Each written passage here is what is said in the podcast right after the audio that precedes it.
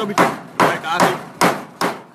Ek werk nou al meer as 15 jaar in plakkerskampe vir al op die Kaapse vlakte en ons het gedurende die storm fisies na die plakkerskamp toe gegaan en gaan kyk wat is die uitdagings wat die mense gehad het. Toe ek met skok sien dat baie van hierdie plakkershitte is vernietig. Ek was fisies in 'n plakkershut terwyl dit gereën het en uh, die mense was versla, hulle was platgeslaan geweest as gevolg van hierdie uitdagings van hierdie storm. En wat mense baie vergeet van hierdie storm is dat daar was baie baie sterk winde geweest. En ons weet dat hierdie plakkershitte is nie baie sterk strukture nie en baie van daai dakke het afgeval of het uh, gebreek of hulle tyres of bakstene wat bo op die plakkershitte was het afgeval en het die al die dakke vernietig.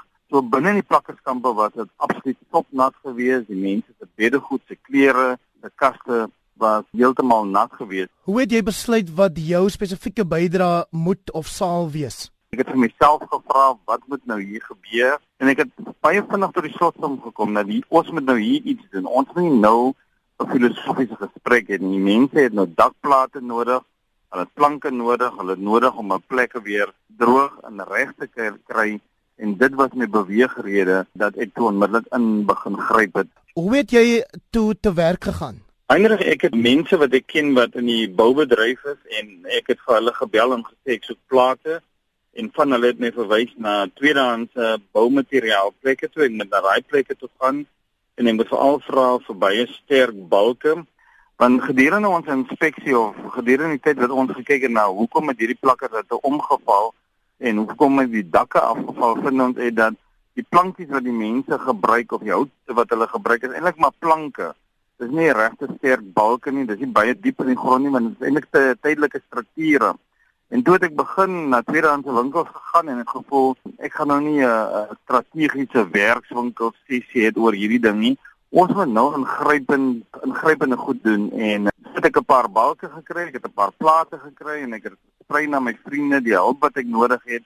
En ek moet vir jou sê dat 'n totale nuwe lewe het ontvou dat mense het vir my gebel oor plate, hulle het my gebel vir planke wat hulle het Hulle het my gebel wat spykers wat hulle het en ek het 'n paar manne bymekaar gekry en gesê: "Kerels, ons moet nou vinnig hierdie mense help en dit is hoe dit begin het dat ek 'n shack builder begin word het vir 2 weke gelede." Quentin, is daar enige individu of gesin se verhaal wat jy met ons luisteraars wil deel?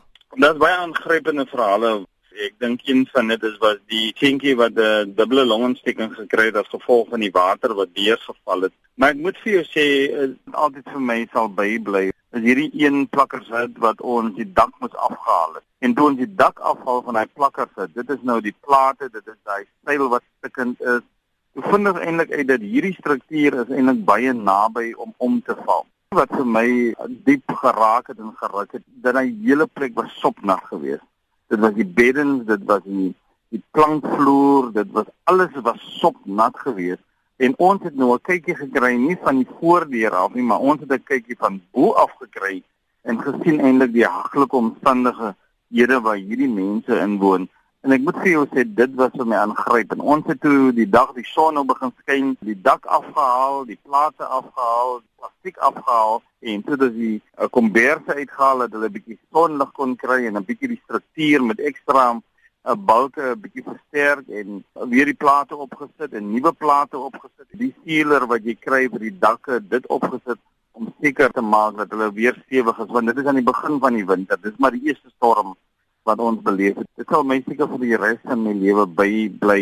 En jy moet onthou omtrent na week 10 dae is daai plekke nog sopnat. Jy kan maar dink die siektes wat die mense kry as gevolg van hierdie nat toestande. Wat het jou betrokkeheid by hierdie gemeenskappe jou geleer oor swaar kry en aan die ander kant hoop? Wat vir ons klein is, is vir ander mense baie groot. Mense sal vir my bel en sê ek het 'n dak afgebreek en daar is plate ons gaan dit weggooi. En as ons dit sien dan is ons baie dankbaar want vir ons is hierdie plate wat nou weggegooi gaan word is eintlik 'n groot seëning En dit het my elke keer getref. Dat dit wat mense weggooi is vir ander mense 'n seëning. Gister het 'n barmhartige Samaritaan daar aangekom met sy bakkie en hy wil nou hierdie planke weggooi. en ek en die span was so opgewonde. Hy het vir ons snaaks aangekyk want ons het konstant hom bedank vir die planke, ons het bedank vir die tools wat daarop is. Ons het hom bedank vir die seil wat daarop is, want dit wat vir ander mense nie meer belangrik is, is vir ander mense weer van groot belang en eintlik 'n groot seëning. In terme van die hoop, ek het al hoe meer besef, die mense het nie groot goed nodig, hulle het klein goedjies nodig. Uh, Vrydag aand skryf ek 'n gebed neer en sê Here gee my asseblief vir R20 dat die generator net kan hardloop.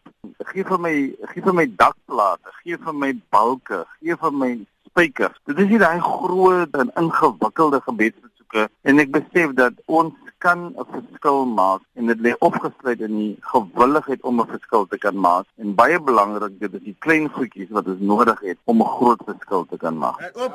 Ry toe. Vas.